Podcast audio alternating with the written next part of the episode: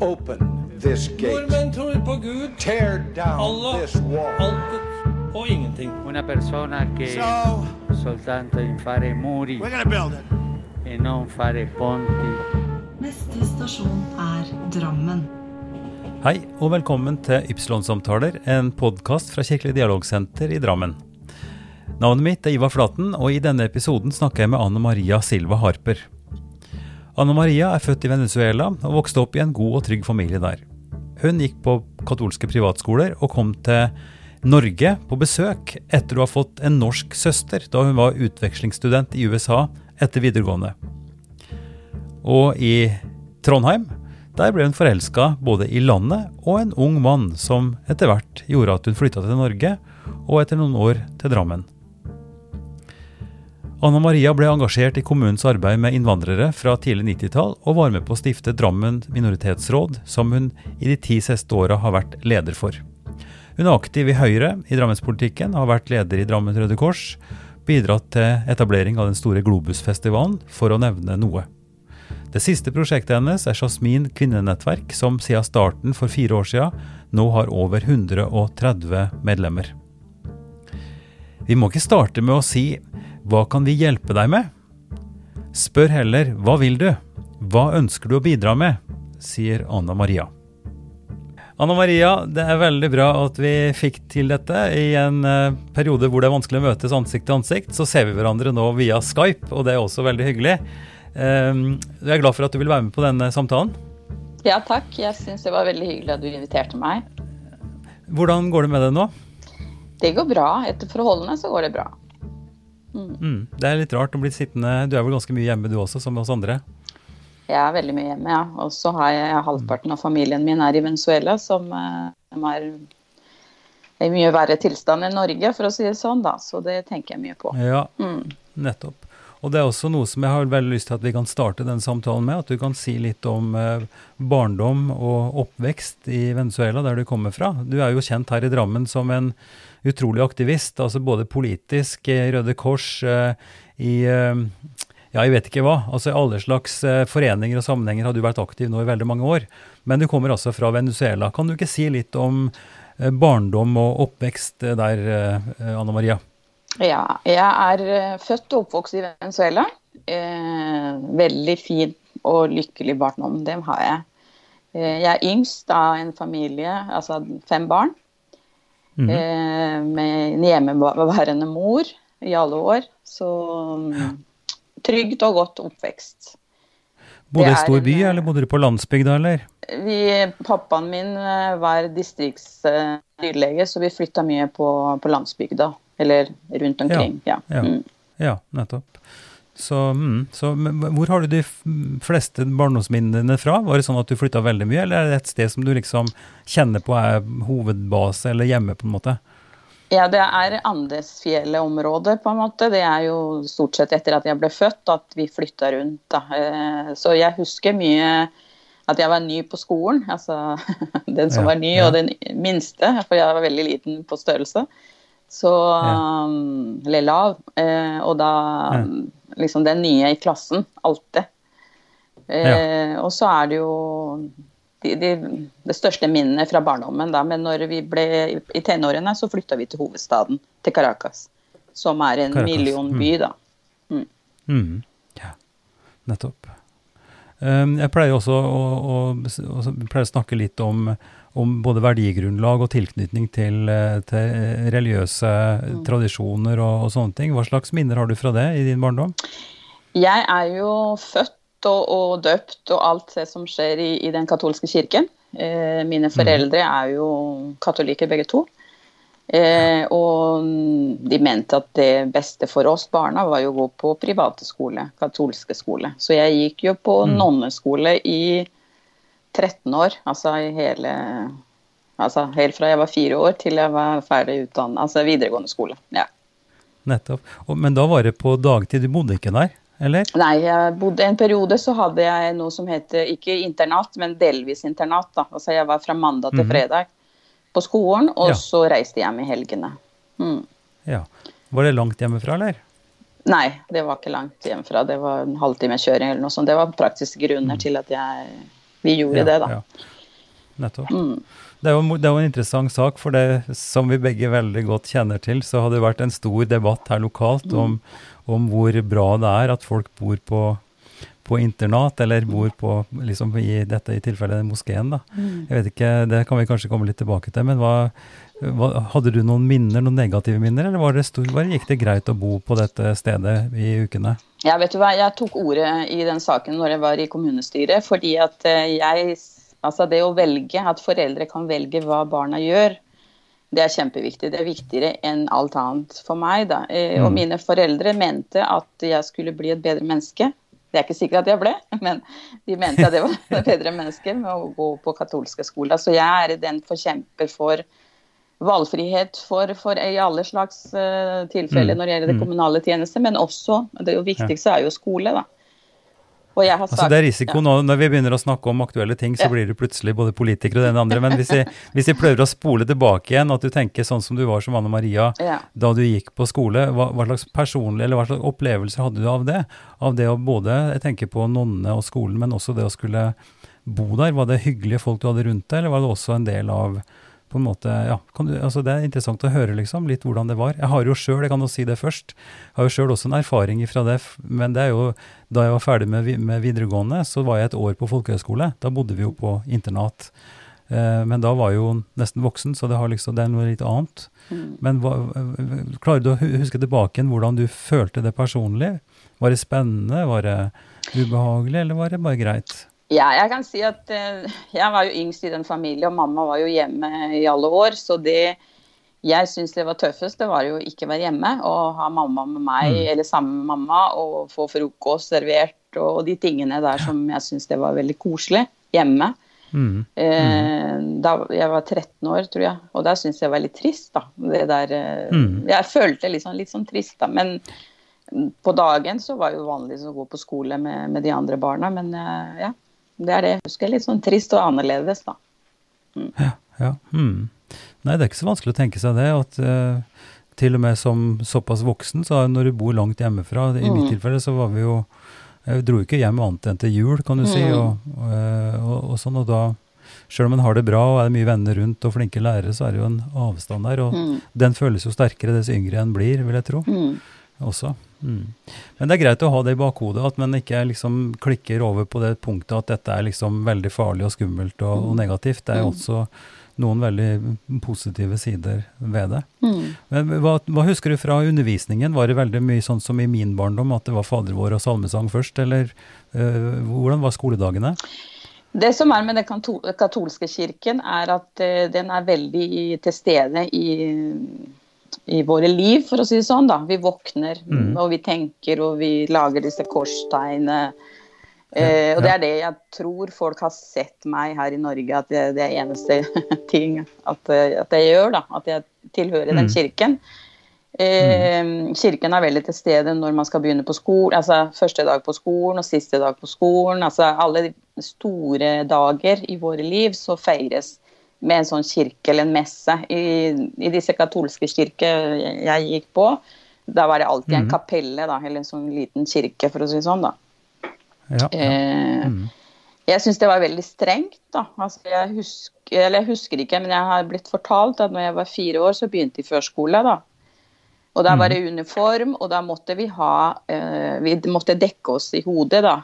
En sånn vel En sånn liten eh, strikka greie oppi hodet. Litt, liten caps, liksom? Ja, og jeg husker, eller jeg er blitt fortalt at jeg glemte, eller mamma glemte å putte det i sekken sikkert, og så altså, altså konsekvenser av det ble jo så store at eh, mamma tok meg ut av den skolen da, og bytta, fordi at eh, de, de var veldig strenge. Jeg ble mm, eh, hva heter det, ble satt mot en vegg, da. Ansiktet mot en vegg. Sto i skam, skammekrok, som det ja, heter? ja. Ja, Og det, altså Mm. Jeg kan ikke huske det, så for meg var jo ikke det så dramatisk. Men mamma husker det, eller jeg fortalte det ikke henne, og da gjorde hun store tilstander og bytta skole pga. det. ja. Og da var det Allerede som, fi, som, fi, som fireåring? fireåring, ja. For jeg syns det var. Eller hun syns det var Det var veldig strengt, da. Eh, Men jeg merka på den tida der altså Da så jeg de store klasseskiller i, i Venezuela. selvfølgelig. Altså, vi gikk jo på private skoler og hadde råd til det. Mm. Og så var det noen barn som ikke gjorde det. Eh, og veldig tidlig så, så ble jeg liksom klar over det. Urettferdigheter. Mm. Og ikke så veldig glad for det. da. Jeg husker at eh, de kjøpte meg en sekk, skolesekk som var i skinn. da.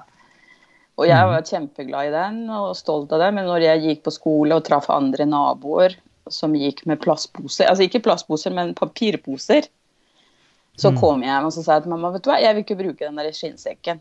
Jeg, heretter så skal jeg bruke papirpose til å ha bøkene mine. Så jeg, jeg har vært litt sånn rebell fra ganske Ja, ja, ja, tidlig, da. For jeg syns det var urettferdig at de andre barna ikke hadde det så bra som jeg hadde det. Nettopp. Eh, Etter hvert som du ble større, eh, var du fremdeles i de tradisjonelle høytidene og sånn i forhold til kirka, eller hvordan var din utvikling på det? Ble du mer selvstendig aktiv? Var du med i noen ungdomsaktiviteter i kirken, eller har, du noe erfaring med sånne ting? Ja, både ja og nei. Altså, man er veldig aktive med at det, det skjer ting i kirken, men jeg har jo ikke vært den som går hver søndag for, i kirken, for å si det sånn. da. Nei. nei. Eh, der slutta jeg når, når jeg fikk lov til å slutte, da, for å si det sånn. Og da husker jeg ikke, det var sånn 10-12 års alder. Så, altså etter at man har gjort den første kommunion, jeg vet hva det heter, Ja. ja. Ja, eh, konfirmert og det, det, så da følte jeg liksom at jeg hadde ikke noe plikt. Og jeg, en ting også som jeg har reagert, er jo dette med å skrifte. At Mm. jeg måtte fortelle alle syndene våre til en, en person, en prest, da, som for meg ja. Altså, jeg tror fortsatt på Gud, og, og at det er en, eh, en makt over oss, da, men eh, jeg mener alle mennesker er like. Om man er Mm, prest, ja. eller om man er eh, Ja. Så, så jeg syns ikke at det var riktig, så jeg slutta med det. Med å, Ja, nettopp. ja. Nettopp. Men eh, kanskje vi kan si litt nå, du sa jo at eh, i vår situasjon nå med korona, eh, at vi har mer eller mindre selvpålagt karantene og er forsiktige med kontakt med folk, og, og kanskje har ikke mulighet, sånn som begge to vi ja, jobber mye med, altså med Mm. foreninger, med Mm, folk, mm. aktiviteter, som vi skal snakke litt mer om også. Men hvordan er det med, med dine i Venezuela? Vi har jo sett nå i flere måneder hvor utrolig vanskelig forhold det er der. Mm. Eh, kan du si noe om det, hvordan det virker på deg og, og dine? Hvordan Mm. går det med folka dine der? Altså, jeg må bare si at jeg er kjempe, kjempetakknemlig for at eh, jeg og ungene mine er her i Norge. Eh, mammaen min og søstera mi er i Canada og niesa. Og det er jeg veldig glad. Mamma er 92 år. Jeg tør ikke å tenke om hun hadde vært i Venezuela. Så hun er i Canada, de har det veldig bra. Sånn som i Norge, altså Ja, etter ja, forholdene. Eh, familie, altså Ca. halvparten er jo i Venezuela. De har jo hatt dette veldig tøft, som du sier, både politisk og økonomisk og ja, på alle måter. I, Så jeg føler at de har vært i karantene i ti år, i hvert fall. Altså, og så er det jo ja. liksom mangler både strøm og internett og vann, og nå er det jo bensinmangel. For ikke snakke om helsetjeneste. Og der er det, hvis du har råd til det, så får du behandling. Ehm, Nettopp. så der er det virkelig problemer, og det er før korona her, eh, koronakrise har liksom kommet dit. da. For på en eller annen merkelig grunn så har det ikke kommet dit i samme grad som i Asia og i Europa. da. Nei, Nei, man snakker jo litt om spredningsfarten og sånn, og at det er usikkert hvor fort det går. Og vi sitter jo også Denne samtalen blir vel sendt, lagt ut litt seinere, eh, Mm. så det er ikke akkurat det vil være til avstand. Men allerede nå så vet vi jo at det vil være eh, altså bølger, eller det vil variere. Selv om man kanskje føler akkurat når vi snakker at det er en, en viss kontroll på det i Norge, Mm. så vet man jo ikke. ikke sant? Og sånn er det vel også i Sør-Amerika, at det vil kunne spre seg eh, fortere. da. Mm. Men vi kan ikke snakke for mye om det, for det er både Det er ikke vårt tema først og fremst. Det, det, som er, det som er interessant for meg å vite videre, det er også din utvikling. Da du sier at du var tidlig opp, oppsatt eller opp, oppmerksom på urettferdighet og, og, og sånn. og Var du politisk aktiv mens du var ung i, i Venezuela? Mm, nei, ikke noe mer enn at jeg jeg, var, jeg har alltid vært sånn at uh, jeg finner meg ikke i at folk forteller meg at sånn skal det være. Jeg spør alltid hvorfor det, og jeg stiller spørsmål. Uh, Mm. Men jeg var jo en av de som, som hele middelklasse i, i, på den tida i Venezuela som eh, Det er en måte å overleve. Vi, altså, det er En annen ting som jeg tenker også nå ofte, er at eh, vi har ikke julenissen i, i Venezuela, men vi har Jesu-barna som kommer med gaver julaften oh, ja. til barna. Jaha. Natt til første Jaha. juledag. Og det var også sånn at eh, når jeg var liksom seks-sju år, og så så vi at vi fikk jo fine pakker og sykler og altså dokker og ting som vi hadde ønska oss. Eh, og så gikk jeg i gata, og så så jeg hva de andre barna fikk. Og jeg tenkte da, Mm. husker jeg nå, at jeg tenkte Jesus, du er nettopp blitt født, og så gjør du forskjell allerede. Altså, Ja. ja. Men etter hvert så blir man liksom Man blir jo vant til systemet, for det er mange som spør meg ja, men altså, jeg gjorde ikke noe mer. for at det var min måte å overleve i det systemet der. da, At jeg tenkte ja, ja, ok ja. eh, Jeg er heldig som er født i den familien. Eh, Pappa og mamma har jo prioritert utdannelse våre. Mm. De er, vi er ikke kjempe, kjemperike, men de har prioritert utdannelse. Mm. Og vi har vært heldige som har hatt en mamma som Mm. kunne ha vært hjemme med oss. Og ja, nei, altså, jeg så meg som heldig. Eh, Ja, ja, og takknemlig. Du lytter nå til Ypsilon-samtaler, en podkast fra Kirkelig dialogsenter i Drammen. I denne episoden snakker jeg med Anna Maria Silva Harper. Anna Maria, øh, vi, vi må spole litt fortere fremover, men du, øh, hvordan var det med utdanning etter grunnskole og sånn? Tok du en utdanning, og så må, jo må vi jo spørre etter hvert hvordan i alle dager kom du til Norge? Ja. Eh, Jeg var ferdig med videregående skole, som sagt, eh, på den katolske skole mm. i Caracas. For eh, vi, mine foreldre valg, valgte å flytte til eh, hovedstaden for at de skal være i nærheten av universitet. da. Og så begynte mm. søstera mi, hun er fire år eldre enn meg, hun begynte på universitet, og jeg skulle det. Men etter siste året på videregående skole så tok jeg ett år i USA, i, Texas, mm. som, okay. som utvekslingsstudent. For å lære mer engelsk og ja, eh, ett år. Eh, og der, i den familien vi bodde i Dallas, så hadde de bare voksne barn, så de tok en, en jente fra Trondheim og en jente fra Caracas. Så hun ble, Marianne Kristiansen ble min søster. Min søster Jaha. i ett år. Ja. Fordi at eh, Ja, vi bodde i ett år sammen. Og, og jeg husker at eh, Jeg visste ikke engang hvor Norge var. da. Altså, når vi fikk brev, så sto det Norway. Og så tenkte jeg OK, hva gjør hun her og lærer norsk når hun kan norsk fra før? For jeg trodde dette var et norsktalende land. da. Ja. Men vi ble veldig gode venner og søster i ett år. Og så etter det så kom jeg hit på besøk i 1980. På det varmeste sommer i, på 40 år i Trondheim. Jaha, så kom ja. jeg eh, i slutten av august og mm. traff en mann, da. En, som, Ja. eh, som ble min mann etter hvert, Så fikk tre flotte Ja. barn med han, da. Så rett og slett eh, en, en utvekslingsstudent i Texas som eh, inviterte deg til et sommerbesøk i Trondheim, og så vips, så var det gjort. Jeg, var forelsket, jeg, jeg sier at jeg ble forelska i landet og i en mann i det, på en sommerdag, Ja. da, men så kom jeg tilbake på vinteren, og da følte jeg meg litt lurt, da. ja, det kan jeg forstå. Kaldt og mørkt og sånn som det er i Trondheim. Ja. Ja. Nei, for, for klimaet i Caracas og, og i det daglige, det, det er noe helt annet. Det er noe annet. Hvordan var, hva var sesongendringene og sånn, kan du huske det? Sommer, forskjell på sommer og vinter og sånn? Nesten ikke. Det er, I Caracas er jo 26, 24-26 grader hele året. Eh, det kan Ja, hende at ja. det blir litt sånn regntid, og, men det Ja. merker man nesten ikke. Og hvis det regner, så regner det to timer, og så er det liksom shit, det er ferdig. Dør. Nei, for det når du først kommer hit, da, så får du jo greie på hva årstider er. Ja, altså. Endringene her Det er jo ganske rabiate. Ja. Ja. Så vi, altså jeg flytta som sagt til Trondheim på vinteren, og jeg syns det var veldig tøft. Jeg bodde der i to år og syntes det var veldig tøft. Og så flytta vi tilbake til Venezuela, hele familien. Aha. Mhm. Eh, men eh, på den tida der så Da hadde vi to barn, så fikk vi et tredje barn i Venezuela. Eh, Hvilket år omtrent snakker vi om da? 85, altså på 80-tallet. 83-84. Ja, ja. ja. -hmm. Og så eh, skulle vi tilbake, fordi at eh, altså, kriminalitet var veldig høyt, og usikkerhet og mm, barnekidnapping og ja, vi, Mm. Vi følte oss veldig utrygge, så flytta vi tilbake Ja. til Norge. Og i 86 så kom jeg til Drammen, for da har jeg sagt at ikke lenger nord enn i Oslo, i nærheten av Fornebu, så jeg kan reise hjem hvis det blir for ille. Og Ja, akkurat, så da ble det Drammen. Da ble det Drammen. Jeg måtte se på kartet, for han kom jo hit først. Og så sa jeg hva med Drammen, og da måtte jeg se på kartet hvor Drammen lå. Ja, det er greit, sa jeg. Mm. Men Anne Maria, eh, du spesielt og jeg også har jo vært veldig opptatt og er opptatt av, av inkludering, eh, innvandring, eh, hva som skjer når folk kommer utafra, i hvilken grad den på en måte blir en del av, av helheten.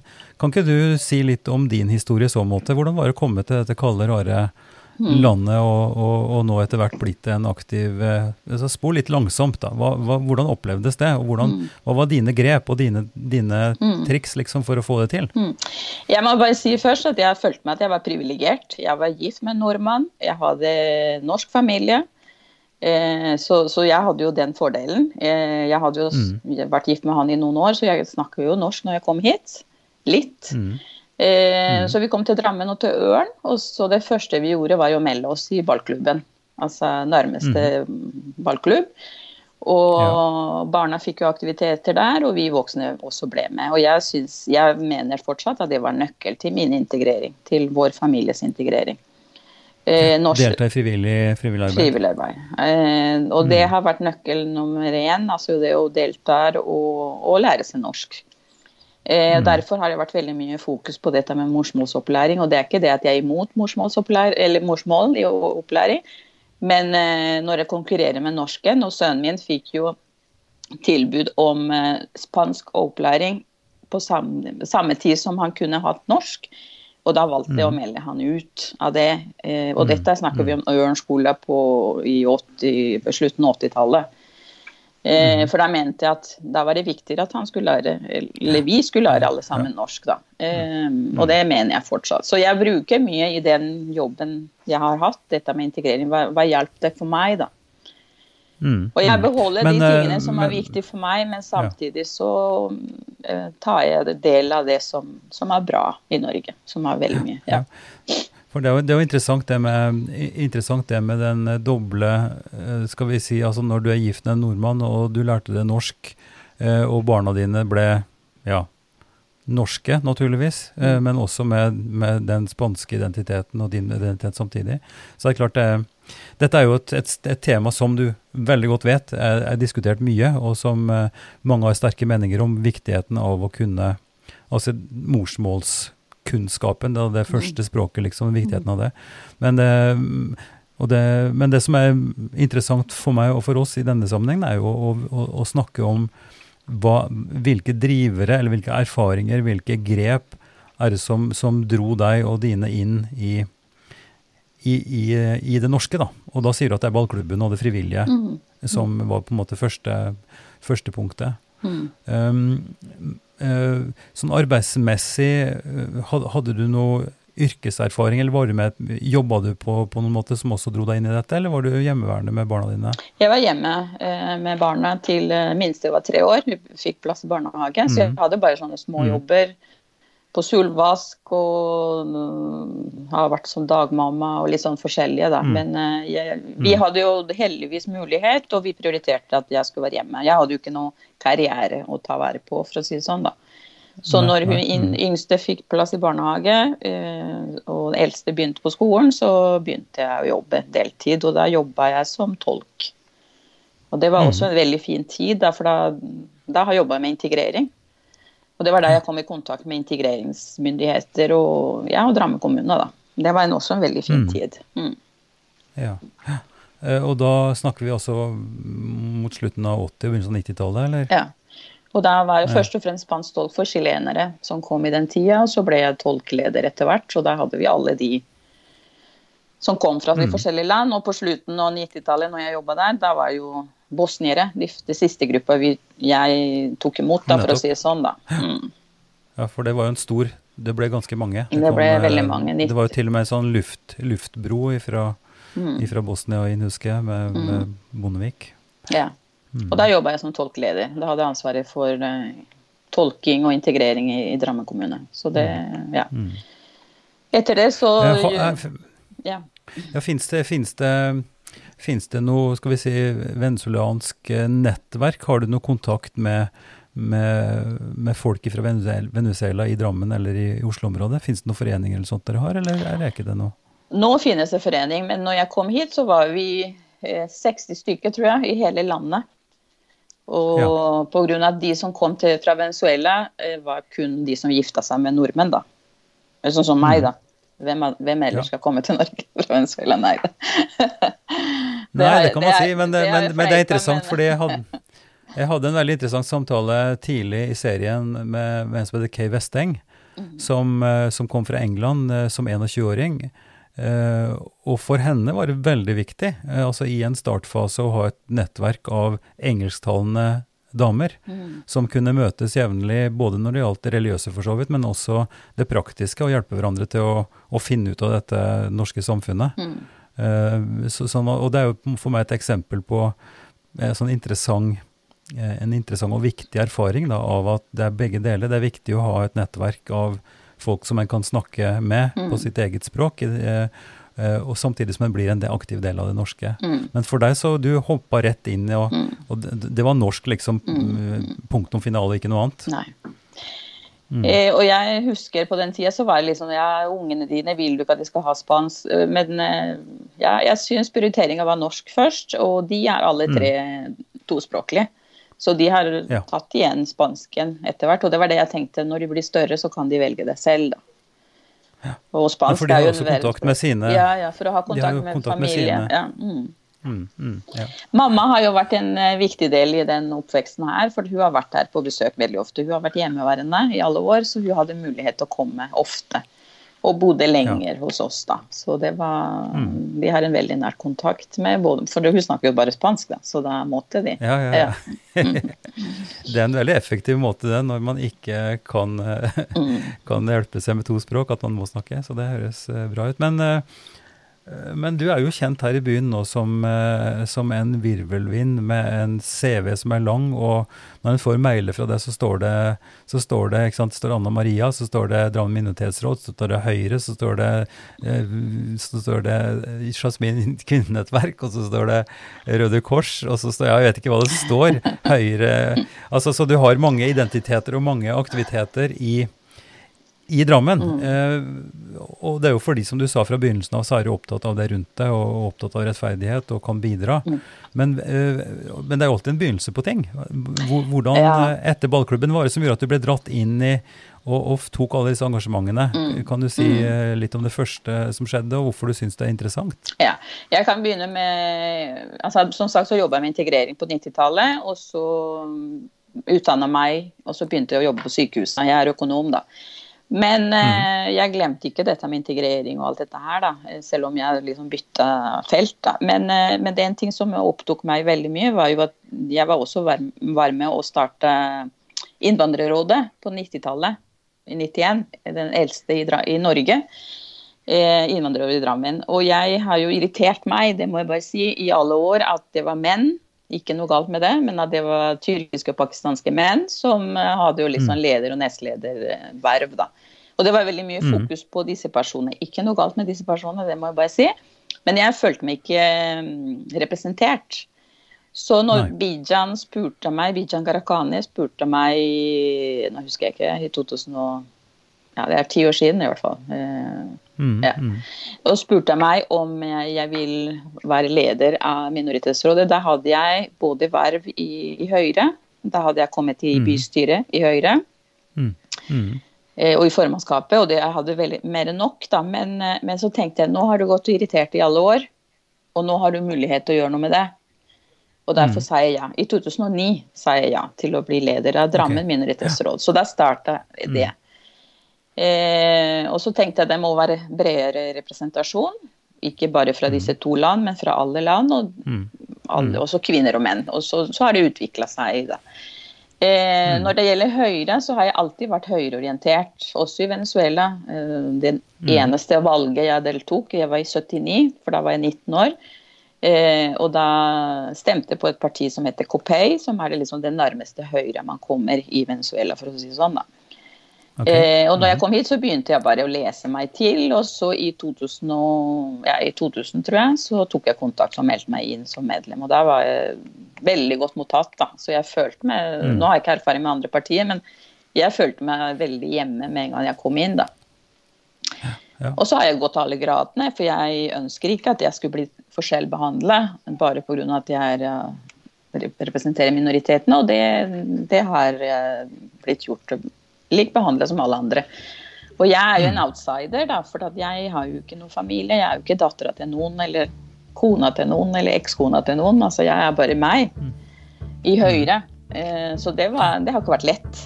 Eh, men eh, jeg syns jeg har klart meg bra, jeg. Ja. Du lytter nå til Ypsilon-samtaler, en podkast fra Kirkelig dialogsenter i Drammen. I denne episoden snakker jeg med Anna Maria Silva Harper. Men nå sier du eh, Det du sa nå, er jo stappfullt av undertekst. det impliserer jo på en måte at Og det, sånn er jo, det vet vi. At det å ha nettverk og ha noen som kjenner noen, og, og bli anbefalt, og, og, og alt det der som handler om ja, nettverk og kontakter og sånt, at det er det du sier at du ikke hadde. Og derfor så måtte det du gjorde og det du gjør, være basert på det du faktisk bidrar med da, som person. Eh, og sånn burde det jo være rund baut, vil jeg tro. Men det, det vil være tyngre, og sånn er det vel sikkert for, for ganske mange. Altså hva er det som er terskelen for å komme inn i de forskjellige kretsene? Hva er det som gjør at man er utafor eller innafor? Hva skal til liksom for å, for å være, bli tydelig nok, eller, eller interessant nok, eller flink nok, da? Eh, hva var grepet ditt? Eh, Brukte du grov kjeft, eller logra du med halen, eller hva var det som Hvordan ble du synlig, tenker du? Ja, nei, vet du hva. Jeg, altså, nå sier jeg sikkert noe som ikke er helt riktig eller korrekt, men eh, jeg altså, Det er forskjellen mellom kvinner og menn. Menn er jo mer direkte, mener jeg. eh, og det, jeg husker spesielt et møte hvor jeg ikke var eh, Jeg hadde sagt ja til å bli nominert på en liste, og så sto ikke navnet mitt der. Og så satt jeg der i, i den gruppe der jeg, det var mange som ikke jeg kjente der, og, så, og dette er jo Høyre. Og så så jeg ikke navnet mitt der, og så begynte jeg å tenke Hva hadde en mann gjort? Hva hadde pappaen Ja, min gjort, ja. for eksempel? Ja.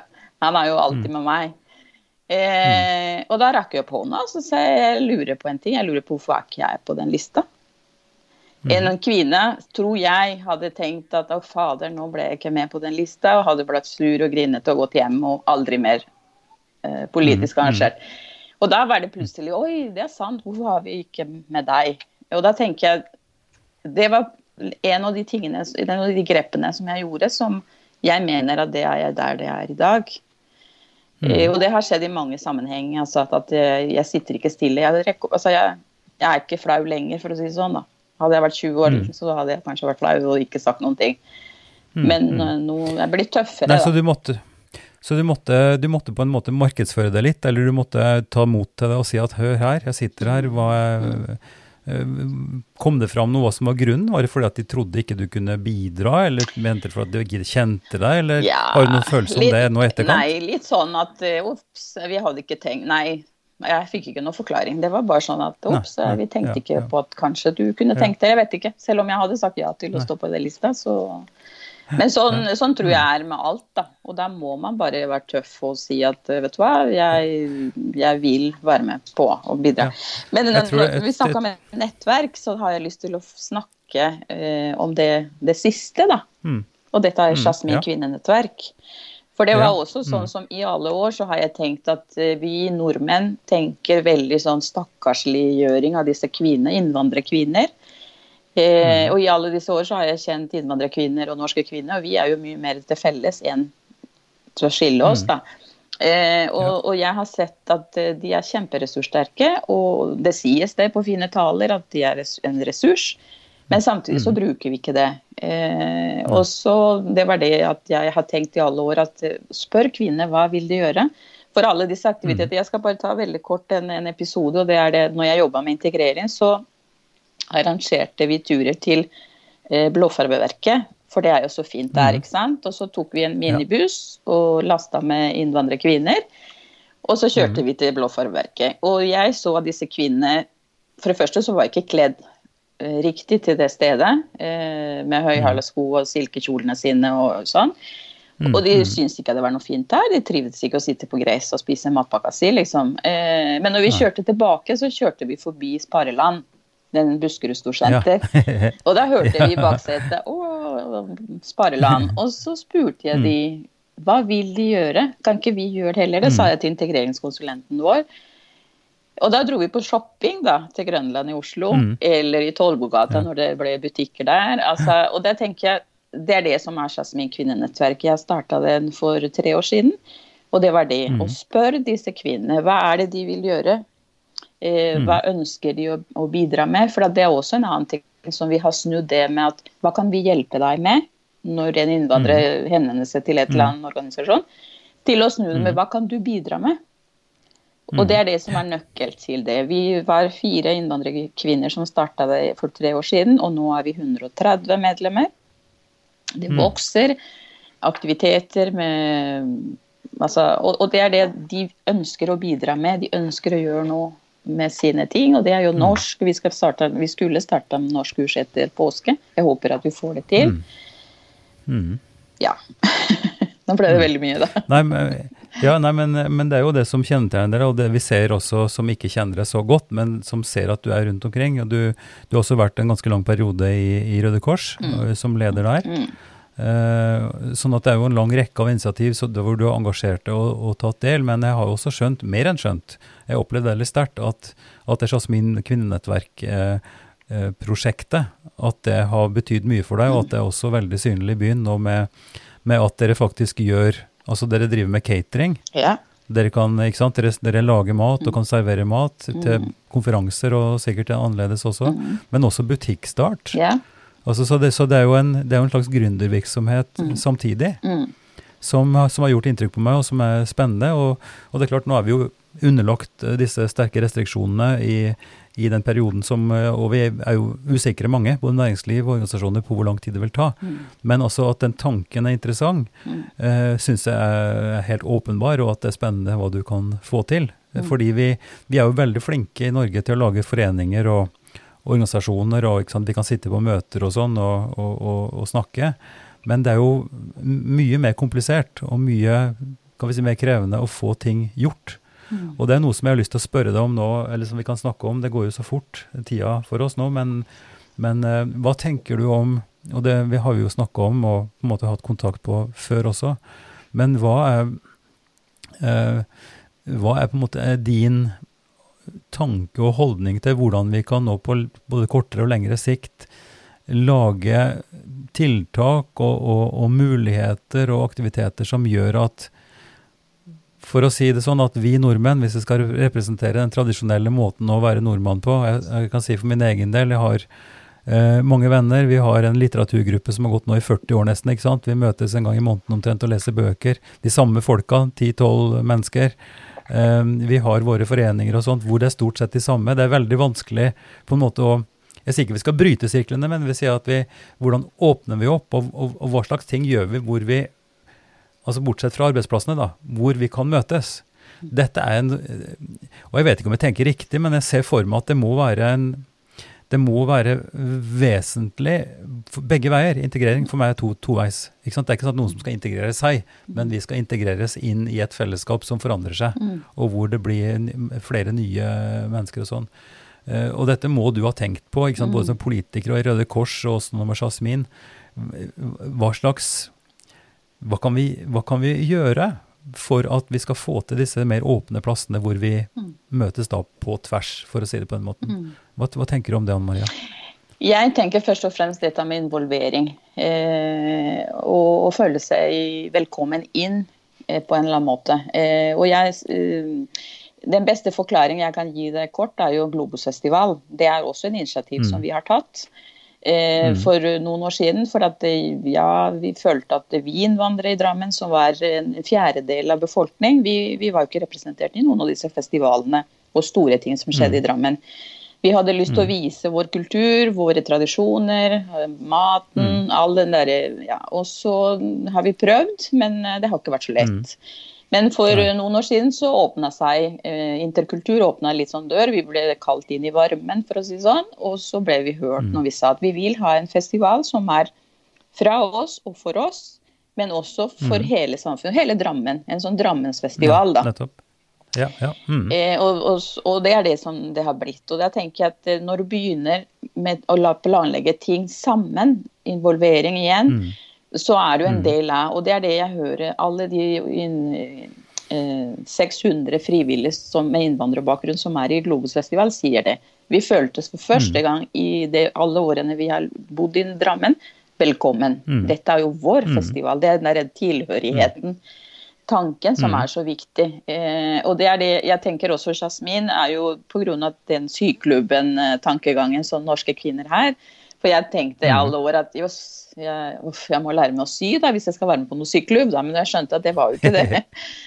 men, men hvis ikke du er født og vokser igjen tilbake hvis, Jeg er jo en outsider i Drammen. ikke sant? Jeg har jo ikke gått på noen skole her. Jeg har ikke noen klassevenninner eller naboer fra jeg var ungdom. Så jeg er liksom utenom, og da må jeg lage min eget nettverk. Og det er det Jasmin kvinnenettverk her. Er for alle. Eh, der er det jo alle kvinner som har en historie, sier jeg. Og alle kvinner har jo en historie. Og da er det åpent for alle. Vi vil gjerne ha flere norske. Det vil vi, for det er jo norsken som, som er liksom vi skal praktisere. Hvordan er fordelingen nå omtrent? Eh, det er flest eh, innvandrere. 130 så har vi kanskje ti norske. Ja, av Ja, medlemmene så er våre. ganske, ja, nettopp. Men, nettopp. Så eh, dette må jo bare for oss være en invitasjon nå, at å Ja. kunne ta kontakt med det og si at dette er viktig og morsomt Ja. og interessant. Ja. Ja. Og der går det alt på, på å lære ting. Altså, jeg tenker bare det med, med Jeg husker når jeg så disse mellomlekspapiret som du legger mellom brødskivene. Jeg trodde at noen satt der og klippet dette i firkanter, og jeg tenkte herregud. Hvordan skal... Men, der, jeg hadde en svigermor som jeg kunne ringe.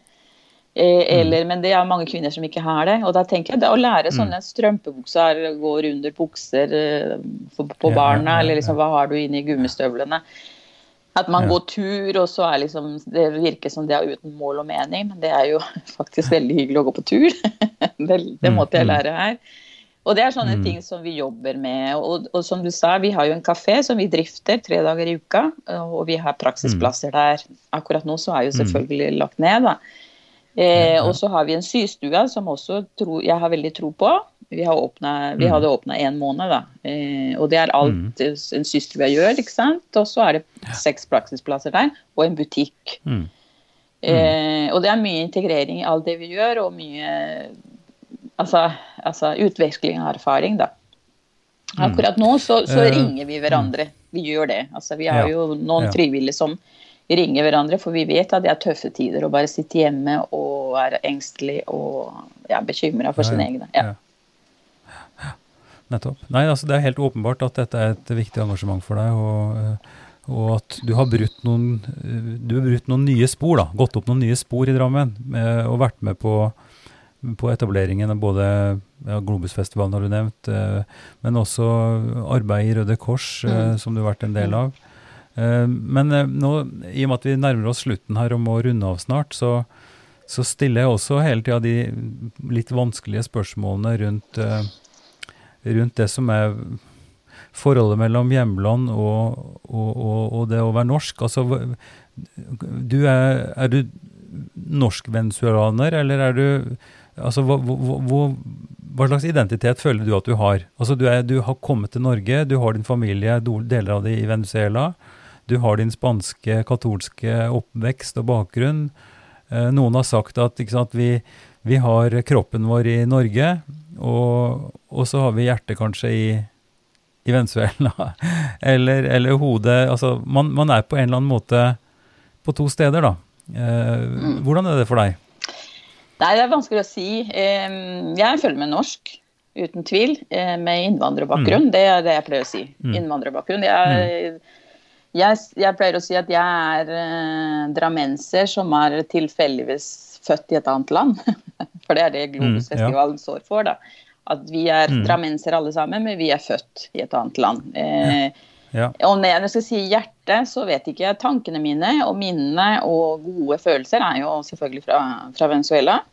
Men eh, hjertet mitt er i Norge. Ja, ja nettopp. Mm. Ja. Hmm. Og det, det tror jeg det gjelder de fleste. oss. jeg for min del har jo oppveksten min og, og mange referanser i Oppdal. Ikke sant? Der jeg vokste opp og, og var barn, så flytta jeg ganske raskt sørover for å ta utdanning og sånt. Så det er klart, med mor og, og, familie i Oppdal og, setra i fjellet og, og gården og sånt, det er jo, det er jo minner og Altså, jeg, finnes, jeg lever jo ikke så ja, Det er kanskje feil å si, da, men, men det er veldig sterkt å komme tilbake over fjellet og komme opp i, på setra. Jeg må være der noen uker hver, hver sommer. Sånn at det, det er jo en slags rot eller en forankring eller noen sånne veldig dyptgående identitetsting som, som er veldig viktig. Samtidig som jeg elsker jo Drammen og, og har barna mine, barnebarna mine her i området. Og? Så, det, så det er jo sånn det er. Altså, man, man blir jo hjemme der man er mest og har nettverk. Um, Jeg er husker i, i begynnelsen så Mm. tenkte jeg også at jeg, ja, når jeg blir gamle, så kommer jeg til å flytte, tenkte jeg da bare. Og derfor Mm. liksom Fornebu var jo veldig viktig å være i nærheten av flyplassen. Ja, Men, ja. men eh, nå tenker jeg hjemmet mitt er her. Jeg har tre barn og barnebarn, så, så det er liksom her hjemme er. Mm, ja. Anne Marie, det har vært en fornøyelse å snakke med deg. Eh, Jeg håper at vi kan komme oss i gang igjen med, med mer praktisk samarbeid og sånn i, i, i dine virksomheter og, alt det som skjer, og så at vi kan komme gjennom dette som skjer oss nå sterkere, og kanskje også få sterkere bånd oss imellom. Det håper jeg. Så tusen takk og lykke til. Takk i like måte. Takk for at du hører på Ypsilon-samtaler. Mer informasjon om oss og hva vi holder på med, det finner du på www.ypsilonsamtaler.no. Der finner du også en kort presentasjon av alle samtalepartnere og lenke til episodene. Søk på Ypsilon-samtaler på din podkast-app, og abonner gjerne. Vi er også svært glade for tilbakemeldinger og forslag som du kan sende til Ivar Krølfa, kirkeligdialogsenter.no. I den neste episoden møter vi Sajid Mukhtar, som ble født i Norge, men hadde de ni første åra sine i Pakistan. Han kom til Drammen og gikk på Fjell skole og fikk etter hvert god utdannelse. Det ble helt avgjørende da han først mista faren i hjerneblødning, og to år etter, som 24-åring, ble eneforsørger for sine to yngre søsken da også moren døde. Han er nå mest kjent som styreleder for den nye moskeen på Fjell, Jamia Drammen moské. Ypsilon-samtaler er støtta av Drammen kommune og Barne- og familiedepartementet. Ansvarlig utgiver er Kirkelig dialogsenter Drammen ved daglig leder Ivar Flaten.